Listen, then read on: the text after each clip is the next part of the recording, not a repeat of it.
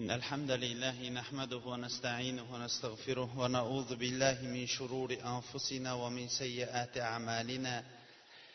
من يهده الله فلا مضل له ومن يضلل فلا هادي له وأشهد أن لا إله إلا الله وحده لا شريك له وأشهد أن محمدا عبده ورسوله. ثم أما بعد السلام عليكم ورحمة الله وبركاته.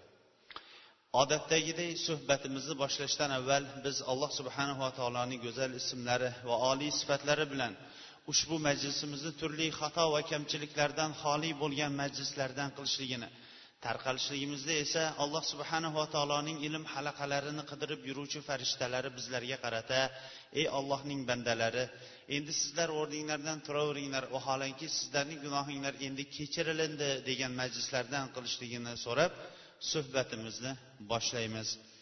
Katta tarixdan qilayotgan darsligimiz ahzob yoyinki handaq jangidan keyingi banu qurayzani qamalga olganliklari va qamaldan ularning chiqqanliklari haqida o'tgan darsimizda suhbat olib borgan edik. Ahzob yoyinki handaq jangidan keyin mushriklarning biroz lovullab turgan olovi ortga qaytgandan keyin rasululloh sollallohu alayhi vasallam atrofga ba'zi bir qo'shinlarni ham yuborib lovullab turgan ba'zi bir cho'g'larni o'chirish siyosatini olib bordi. Muhammad ibn maslama roziyallohu anhu boshchiligida o'ttizta otliqni yubordi. Ular qurtubo degan joydagi najd diyorlariga borishdi. Madinadan taqriban yetti kechalik yo'l edi. Askar hijriy oltinchi yilning muharram oyida yo'lga chiqishdi va yetay deganida dushmanlar ularning kelganini bilib qolib atrofga qarab qochib ketishdi. Musulmonlar ularning tuyalari qo'ylarini haydagan holatda urush bo'lmagan holatda madinaga qaytishdi. Madinaga qaytayotganda banu hanif qabilasining boshchisi bo'lgan sumamat ibn asalni asir qilib olib kelishdi. Rasululloh sollallohu alayhi vasallam u kishini masjidga olib kelishlikka buyurdi. Masjidda asir holatda keldi. Rasululloh alayhissalom u kishiga keldida ey sumama huzuringizda nima bor deganda ey muhammad dedi. Huzurimda yaxshilikdan boshqa narsa yo'q. Agar o'ltiradigan bo'lsangiz avvalgi o'rtamizdagi dushmanchilikka qonga qon qilib o'ltirasiz agar meni yo'limni qo'yib yuboradigan bo'lsangiz shukur qilguvchilar hisobida qo'yib yuborasiz. Agar dunyo xohlaydigan bo'lsangiz so'rang dunyodan xohlagan narsangizni beraman dedi. Rasululloh sollallohu alayhi vasallam ertasiga ham kelib xuddi shu gapni aytdi. Sumamat ibn asal xuddi shu gapni yana qaytardi. Indinaga ham xuddi shunday bo'ldi. Keyin rasululloh sollallohu alayhi vasallam ashoblariga qarab turib asiringlarni qo'yib yuboringlar dedi. Bu kishi nahl degan joyga borib suvda yuvindi g'usul qildi. Keyin keldida ashhadu an la ilaha illalloh va ashhadu anna muhammadar rasululloh. Yo rasululloh yer kurasida sizning yuzingizday g'azabli yuz men uchun yo'q edi. Endi sizni yuzingiz men uchun eng suyukli yuzga aylandi. Yo rasululloh yer kurasida sizning diningizdan ko'ra g'azabliroq din men uchun yo'q edi. Endi yer kurasida sizning diningizdan ko'ra muhabbatliroq men uchun din yo'qdir. Sizni askaringiz men umraga ketayotganda meni asir qilib ushlab oldi. Xohlagan narsangizni buyuring men xohlagan siz aytgan narsani borib makkada qilib kelay dedi. Rasululloh sollallohu alayhi vasallam unga yaxshilik bilan duo qildi va niyat qilgan umrasini ado qilishlik uchun buyurdi. Bu kishi umraga talbiya aytgan holatda kelib eng birinchi marta labbayk allohumma labbayk labbayka la sharika laka labbayk innal hamda va ni'mata laka val mulk la sharika lak. Ya'ni yolg'iz ollohning o'zi ekanligi unga biron bir narsa sherik emasligi qulchilikning barchasi yolg'iz olloh uchunligini kabada baralla turib aytgan sumamat ibn asal bo'ldi. Buni eshitgan quraysh ahlining butun tanasi junjukib tuklari tikka turib ketib sumamat ibn asal tomonga qarab tashlanmoqchi edi. Kattalari ey to'xtanglar holinglarga voy bo'lsin. Agar bu kishiga biron bir zarar yetkazadigan bo'lsanglar bizning ozuqamiz bo'ladigan don dun ertadan boshlab kelmay qo'yadi. Unga biron bir narsa qilmay tegmanglar dedi. Va umrasini bajarib bo'lgandan keyin ey sumama sabata diningizdan chiqib ketibsizda dedi. Sumama yo'q ollohga qasamki men dinimdan chiqqanim yo'q lekin men muhammad sollallohu alayhi vasallam bilan birga musulmon bo'ldim. Va qasam ichib aytamanki ertadan boshlab sizlarga yamama diyoridan kelayotgan donning biron bir donning donasi ham kelmaydi hatto rasululloh sollallohu alayhi vasallam ruxsat bermagunicha dedi.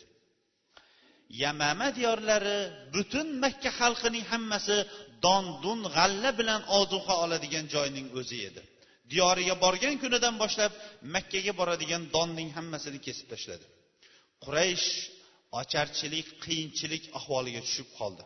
Rasululloh sollallohu alayhi vasallamga xat yozishga majbur bo'ldi va xat yozib o'rtadagi qarindosh urug'chiligimiz hurmati.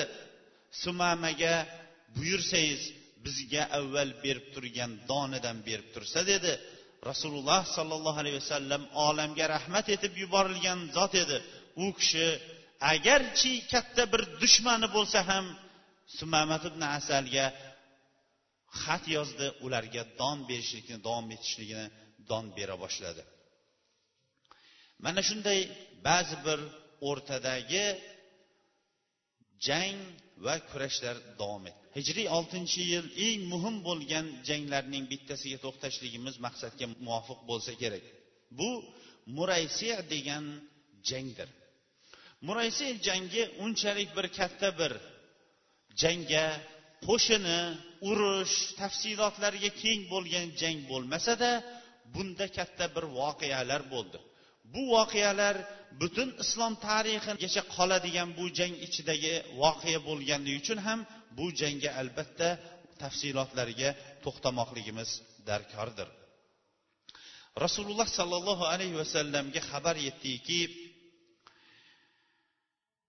banu mustalih qabilasining boshchisi haris ibn abi ziror rasululloh sollallohu alayhi vasallamga qarshi kurash askar to'playapti. Va atrofdagi sahroyi bo'lgan arablarni yig'ayotganligini. Buraydat ibn hasib al aslamiy roziyallohu anhuni bu voqeani aniqlashlik uchun yubordi. Bu kishi borib haris ibn abi zirorga yo'liqdi. Go'yoyinki tashqaridan kelgan sahroyi odamday yo'liqdida u kishi bilan gaplashdi. U kishining niyatini bilganidan keyin rasululloh sollallohu alayhi vasallamga borib bo'layotgan voqeaning xabaridan xabar toptirdi. Rasululloh sollallohu alayhi vasallam bu xabarning aniq ekanligini bilgandan keyin ashoblarini chiqishlikka chaqirdi. Shabonning ikkinchi kuni rasululloh sollallohu alayhi vasallam o'zlari boshchiligida chiqdi madinaga. Zayd ibn haris roziyallohu anhuni boshchi qilib qo'ydi. Bu jang boshqa janglardan o'zgacharoq bo'lganligi hech ham boshqa vaqtlarda chiqmagan munofiqlar bu jangda chiqishdi.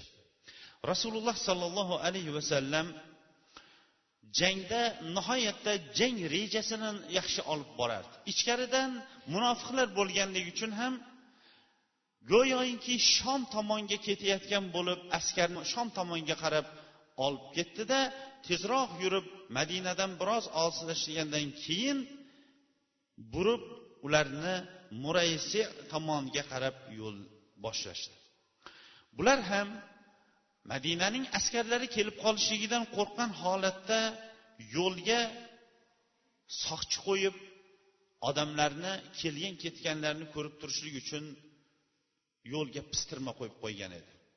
Pistirma qo'lga olindi qo'lga tushishlik unga qiyin bo'lgandan keyin pistirmada turgan odam o'ltirildi keyin bo'lsa askar muraysi o'rinlariga yetay deb qolgan vaqtda dushmanga rasululloh alayhissalom va ashoblarining kelayotganligi va pistirmaning o'ltirganligi haqidagi xabar kelgandan keyin ular qattiq qo'rqib ketishdi.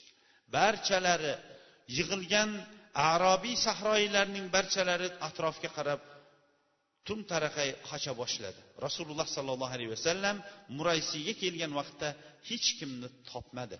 U yerda ularning qolib ketgan ahlu ayollari farzandlari va mol jonlaridan boshqa hech narsa qolmadi. Haqiqatdan ham bu tarix shunga guvohki to bugungi kungacha rasululloh sollallohu alayhi vasallam beshta narsa menga berilindi. Bu beshta narsa boshqa ummatlarga berilinmagan beshta narsa edi. O'shalardan bittasi bir oylik masofadan dushmanim qo'rquv bilan qo'rqib turadi dedi. Bir oylik masofadan dushman rasululloh alayhissalom va uning askarlaridan qo'rqib turadigan bo'ldi. Bu butun yer kurasi uchun bo'lgan katta bir mo'jiza bo'ldiki bugungi kunda ham butun olamni bir tekshiradigan bo'lsangiz boshqa bir materikdagi kofirlar boshqa bir materikdagi musulmonlardan qo'rqib turib ularning qilayotgan ishlaridan musulmonlarning dinlariga qaytib ketayotganligidan qo'rqayotganligini ko'rganingizda rasululloh sollallohu alayhi vasallamning gaplari haq ekanligi bir oylik masofadan turib dushmanning yuragiga musulmonlarning qo'rquvi solib qo'yilganligi haq ekanligiga yana bir bor iqror bo'lasiz. Bugungi kundagi musulmon olamiga kofirlar tomonidan qilinayotgan hujumlarning barchasiga ham bir nazar soladigan bo'lsangiz bir materikda turib ikkinchi materikka ularning hujum qilayotganligi ham qo'rquv yuragiga solib qo'yilganidir rasululloh sollallohu alayhi vasallam biron bir kishi o'ltirilmagan holatda ularning mollarini o'ljaga oldi. Ho'p bu jang asosan munofiqlar ko'p bo'lganligi uchun ham munofiqlarning qilgan ishlari bilan to'la bo'ldi. Shuning uchun ham qisqa munofiqlarning ishlariga to'xtab o'tsak. Avvalda to'xtab o'tganimizdek abdulloh ibn ubay madinadagi ikki qabilaning boshchisi bo'lib madinaning hokimi bo'lay deb turgan vaqtda madinaga islom kirib kela boshladi. Ansorlar islomni qabul qilishdi. Keyin esa asta sekinlik bilan abdulloh ibn ubayning obro'yi yo'qola boshladi. Rasululloh sollallohu alayhi vasallam madinaga kirib kelgan kundan boshlab abdulloh ibn ubay oddiy bir odamga aylanib qoldi. Odamlarning barchalarining yuzlari rasululloh sollallohu alayhi vasallamga qaratilgan ko'zlari esa rasululloh alayhissalomni ko'rishligi bilan to'lgan edi. Bu esa madinaning hukmini qo'lga olay deb turgan abdulloh ibn ubayning qalbiga katta bir dushmanchilikni solib qo'ygan edi. Va dushmanchilikni islomning avvalida u oydin ochiq qilib yurardi. Rasululloh sollallohu alayhi vasallam bir kuni o'zlarining eshaklariga minib olgan holatda sad ibn ubada roziyallohu anhuni ziyorat qilishlikka ketayotganda abdulloh ibn ubay o'zining do'stlari bilan o'tirardi. Rasululloh alayhissalomni ko'rishi bilan bu munofiqning betlari burunlari qizarib ketdida bizga kelib bunaqa atrofimizni buzmang dedi. Rasululloh alayhissalom u kishiga qur'onning ba'zi bir oyatlarini o'qigan vaqtda uyingizda o'tirib bizni majlisimizni buzmang degan ochiq dushmanligini aytdi. Kundan kunga islom zohir bo'lib badr g'azotida mushriklar ustidan musulmonlar g'olib bo'lgan kundan boshlab bu endi olloh va rasuli uchun munofiqona ravishda boshini egishlikka rozi bo'ldi. Shu o'rinda eslatib o'tishimiz kerakki munofiq degani o'zi kim? Munofiq degani tashqarisida islomini ko'rsatib ichkarida islom va musulmonlarga dushmanligini yashirib yurgan odam bu munofiq deyiladi. Bizcha aytganda ikki yuzlamachi ikki bet bo'lgan odam munofiq hisoblanadi. Eng katta munofiq ichida islom va musulmonlarga qalbida dushmanligi bor.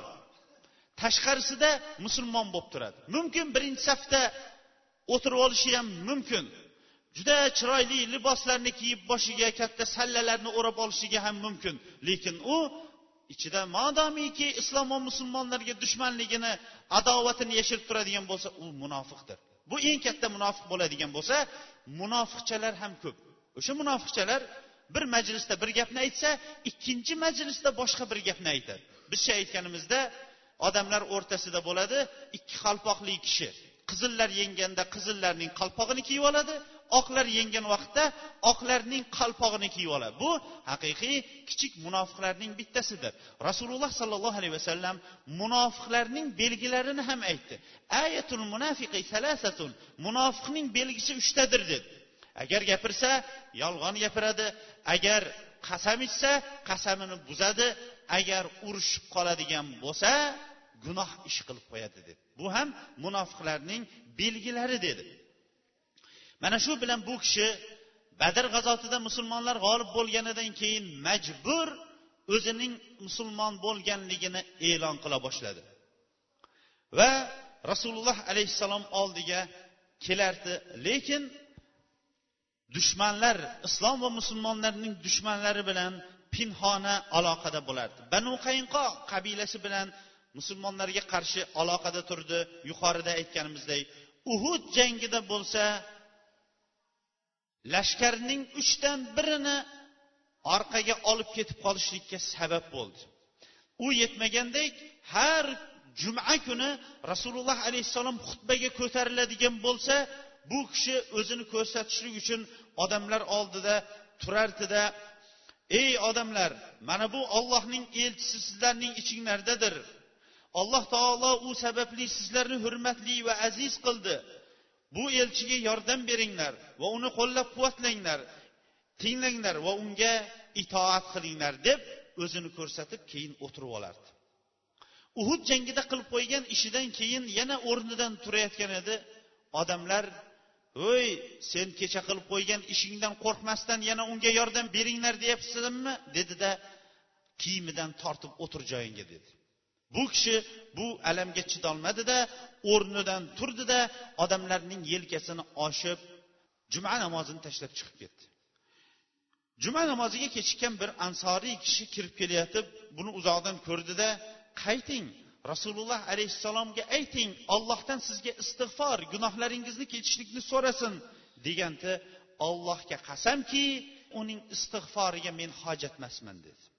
Bu yetmagandek mana bu jangda va bu jangdan burungi banu qurayda qabilasida bo'lgan qamalda sizlar qamalda sobit turaveringlar biz yordam beramiz urushsanglar urushamiz o'ltirilsanglar sizlarning oldinglarda o'ltirilamiz deb butun islom va musulmonlarning dushmanlariga yordam berib turgan abdulloh ibn ubay ham mana shu majlisda bor edi. Ming afsuslar bo'lsinki.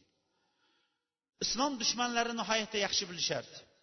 Makka mushriklari kofirlar arobiylar munofiqlar yahudiylar bularning barchasi yolg'iz islom va musulmonlarning qarshi turishardi lekin kundan kunga islomning rivoji kundan kunga islom yuqorilab islomning safi kengayib ketayotganidan ular bilishardiki ular kuch quvvati ko'p bo'lganligi dushmanlarga nisbatan soni ko'pligi qurol aslihasi ko'pligi uchun ular ko'payib ketayotgani yo'q. Balki alloh taolo tomonidan yuborilgan haq din rasululloh alayhissalom bu haq dinni yolg'iz o'zlari namuna bo'lib turganligidan bu din kuchayib ketayotganligini ular yaxshi bilishadi. Shu o'rinda aytib o'tmoqchiligimiz kerakki nima uchun keyingi asrlarda islom zaiflashib ketdi deyiladigan bo'lsa buning ko'p sabablari bor. O'sha sabablarning bittasi mana shu o'rinda aytib o'tmoqlik kerakki musulmonlarning diniga amal qilmaganligi va musulmonlarning peshvolari shu dinga namuna bo'lib turmaganligi uchun ham musulmonlarning o'zlari nafaqat boshqalar islomga kirishligi o'zlari dinga amal qilmay qo'yishdi. Ular buni yaxshi bilishardi shuning uchun ham ular madinaning ichidan o'zidan chiqqan dushman munofiqlar bilan qo'llab quvvatlab musulmonlarning safini tormor qilishlikka ular orzu qilishardi besh yil bo'ldi islomning kelganiga. Lekin islom biron bir jangda mag'lub bo'lib orqaga ketib qolib safdagilari orqaga munofiq bo'lib orqaga ketib qolgan odamlarni ular topishmagandan keyin endi sopini o'zidan chiqarib turib islom jamiyatida madina shahrining o'zida g'ovg'a chiqarishlikka ular harakat qilishardi. O'rmonga bir asbob kelibdiki bir chekkadan qira boshlabdi. O'rmondagi daraxtlar shivir shivir qilib turib o'rmonning o'rtasidagi otaxon bo'lgan daraxtga bu xabarni yetkazibdi.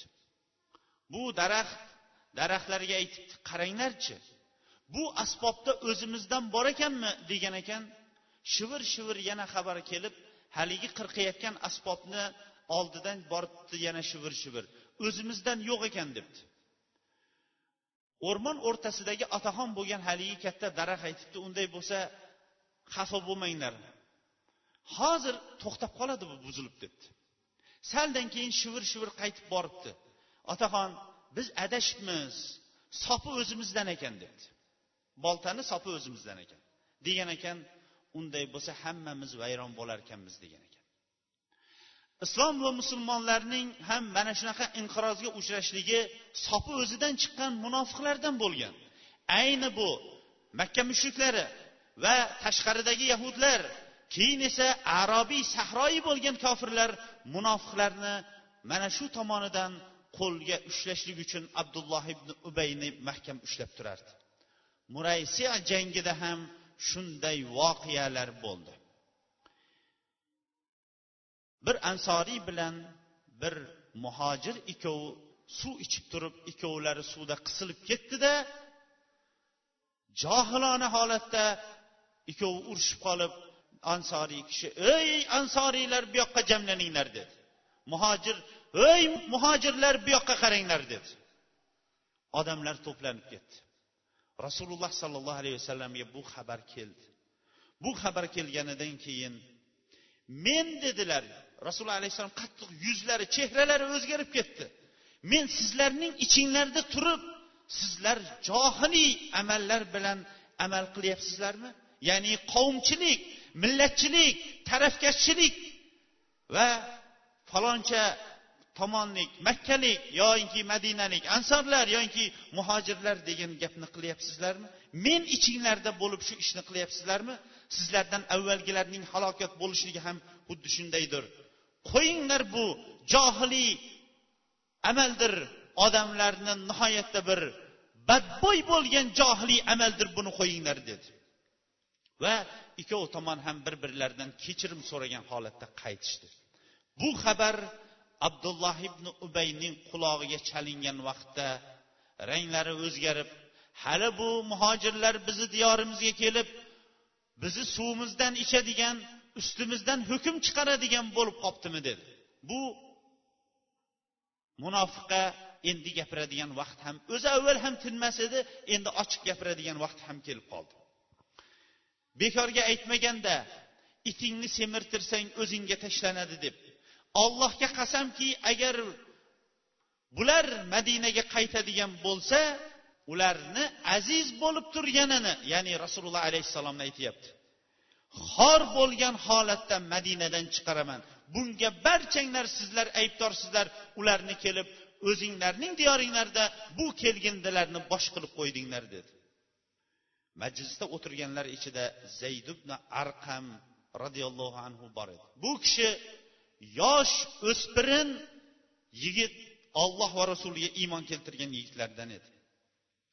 Rasululloh sollallohu alayhi vasallamga bu xabarni yetkazdi. Rasululloh alayhissalomning ranglari o'zgardi. Umar ibn hattob yonida o'tirgan edi. Yo rasululloh buyuring boshini tanasidan judo qilaylik dedi. Rasululloh alayhissalom ey umar keyin odamlar muhammad hali ashoblarini o'ltiryapti degan gapni gapirishi qoluvdi. Yo'q dedi. Ammo odamlarga ayting endi qaytadigan vaqtimiz keldi qaytamiz dedi. Bular ya'ni muraysi jangiga chiqishgan. Bu vaqt odamlar qo'zg'almaydigan vaqt edi odamlarni qo'zg'alishlikka buyurgan vaqtida usayd ibn hudayrga rasululloh alayhissalom yo'liqib qoldi. Bunaqa soatda odamlar qo'zg'alibdimi dedi. Ha odamlarning aytayotgan gapini eshitmadingizmi dedi. Nima deyishibdi dedi. Madinaga qaytadigan bo'lsak aziz odamlar xorlangan holatda chiqariladi deb aytishyapti dedi. Siz yo rasululloh dedi usayd ibn hudayr nihoyatda aqlli ansoriylardan edi. Yo rasululloh dedi. Xohlasangiz siz u kishini chiqarib yuborasiz dedi. Ollohga qasamki xor odam u kishidir aziz sizdir dedi. Subhanalloh. Bu gaplarni bu kishi aytganiga o'n besh asr bo'ldi. Rasululloh alayhissalom aziz bo'lib keldi va azizligicha qiyomatgacha qoladi chunki u kishi ollohning elchisidir.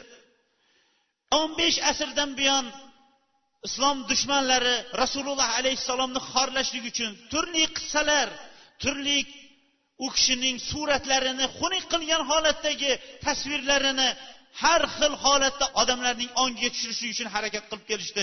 Lekin u kishi aziz bo'yicha qoldi va aziz bo'yicha qoladi. Nima uchun? Chunki u kishi alloh taolo tomonidan yuborilgan payg'ambar bo'lganligi uchundir. Siz azizsiz dedi. Yo rasululloh dedi. Unga rahm qila qoling. U bechora siz kelishligingizdan avval madinaning jilovini qo'liga olay deb turgan edi. Keyin odamlarning butun muhabbati chin muhabbati yuragi bilan sizga intilib ketganidan keyin qo'li quruq qolgandan keyin aytib yurgan narsayu shunga ham parvo qilasizmi qo'yavering dedi. Odamlar shu kuni yurishdi. Kechqurun ham yurdi ertasiga ham yurdi. Kun qizib ketgandan keyin dam olishga ruxsat berilindi. Odamlar tushib dam olishdi. Rasululloh sollallohu alayhi vasallam gap aylanmaslik uchun odamlar bilan gaplashib ham o'tirmadi. Abdulloh ibn ubay bu munofiq rasululloh alayhissalomga xabar yetganligini bildida rasululloh alayhissalomga kelib qasam ichdi qasam ichib turib men bu gapni aytmadim dedi. Qarang munofiq odam to'nini teskari kiyib olib turib ha ollohning nomi ham ular uchun hech narsa emas. Nima uchun? Chunki qalbida olloh va rasuli va din uchun dushman bo'lganligi uchun ham. Rasululloh alayhissalom unga indamadi. Shunda ansorlarning bittasi yo rasululloh zayd ibn arqam yosh bola bo'lsa hali g'ulam balkim aytgan narsasida adashgandir deydi. Shunda zayd aytadi menga shunaqangi bir og'ir holat bo'lib qoldiki men unga chidab tura olmadim. Madinaga qaytgandan keyin uyimdan chiqolmay qoldim. Hatto alloh taolo men to'g'risida oyat tushirgandan keyin rasululloh alayhissalom bir odamni yuborib o'qib bergandan keyin xotirjam bo'ldim deydi. Abdulloh ibn ubayr munofiqning o'g'li abdulloh solih sahobalardan edi. Bu xabar yetgandan keyin madinaning eshigida turdida qilichini yalanglab turib otasi kelganda ollohga qasamki rasululloh alayhissalom ruxsat bermagunicha siz bu yerdan o'tmaysiz. Madinaga ham kirmaysiz uyimizga ham kirmaysiz. Aziz u rasululloh sollallohu alayhi vasallamdir. Xor bu sizdir. Uyga kirmaysiz dedi. Iymon mana shunaqa. Qalblariga mustahkam iymon o'rnashgan sahobalarning barchalari din olloh va rasuli ularga ota onalaridan ahlu ayol farzandlaridan yuqori turdi. Badr g'azotida makka mushriklari tomonidan uchta kurashchi chiqdi. O'sha kurashchilarning bittasi abu bakr siddiq roziyallohu anhuning o'g'li edi. Uni ko'rgandan keyin abu bakr siddiq qilichini yalanglab ketayotgandi. Ey abu bakr bizga o'zingiz bilan foydalantirib turib to'xtang dedi. Otaga farzand chiqishligi mumkin ekan qilichni yalanglab lekin ota farzandga qilichni yalanglab chiqishligi mumkin emas magar iymon uchun chiqishligi ham mumkindir. Iymon sahobalarni mana shunaqa tarbiyalab qo'ygan. Bu munofiqni farzandini alloh subhanava taolo qalbini shunday ochib qo'ygan edi qilichini yalanglab turib siz xorsiz aziz bo'lsa rasululloh alayhissalom madinaga ham uyimizga ham kirmaysiz hatto rasululloh alayhissalom ruxsat bermagunicha dedi. Qalblarning egasi u yolg'iz olloh ekanligini mana shu bilan ko'rasiz. Agar iymon meros bilan tug'ilganida edi abu jahlning o'g'li ikrima roziyallohu anhu mo'min bo'lmagan bo'lardi. Agar iymon meros bilan bo'ladigan bo'lganida edi qancha qancha odamlar nuh alayhissalomning farzandi kofir bo'lmagan bo'lardi. Bugungi kunda ham mana shu alloh subhanava taoloning xohlagan odamini hidoyat qilib xohlagan odamini adashtirishligi xohlagan odamini aziz qilib xohlagan odamini xor qilishligini ko'rasizki ba'zi bir otalari ham bobolari ham namozda bo'lmagan qizillarning haqiqiy qizillik bayrog'ini ko'targanlarning zurriyotlaridan o'nlab minglab musulmonlarning chiqishligi va otalari hali namoz o'qimay turib farzandlarining namoz o'qishligi otang soqol qo'ymay turib sen soqol qo'yishlikka nima qoldi degan vaqtda ham dinida mustahkam turganlarni ko'rib turib olloh xohlagan odamni hidoyat qiladi. Xohlagan odamini adashtiradi xohlaganni aziz qiladi xohlaganni haqiqatdan ham xorlovchidir deysiz. Abdulloh ibn ubayning o'g'li abdulloh solih sahobalardan edi mana shu gapni aytdi. Keyin esa rasululloh alayhissalom buyurdi kiraversin dedi kirdi. Rasululloh alayhissalomning oldiga kelib undan ham og'irroq gapni aytdi bu o'g'li. Yo rasululloh agar otamni o'ltirmoqchi bo'lsangiz boshqaga aytib yurmang o'zimga aytib qo'ya qoling dedi. Sizga boshini o'zim ko'tarib kelaman dedi. Jangda bo'lgan munofiqlarning ishining bittasi bu bo'ladigan bo'lsa ikkinchi ishi oyisha otasi rasululloh alayhissalomning do'stlari g'ordagi hamsuhbatlari islom va musulmonlarning ustuni bo'lib turgan abu bakr siddiqning qizlari oysha siddiqaga ta'na tosh otilishligi rasululloh alayhissalomga qarshi to'shakka qarshi ta'na tosh otildi. Buni inshaalloh vaqtimiz bo'lib qolgani uchun ham keyingi darsimizda inshaalloh davom ettiramiz.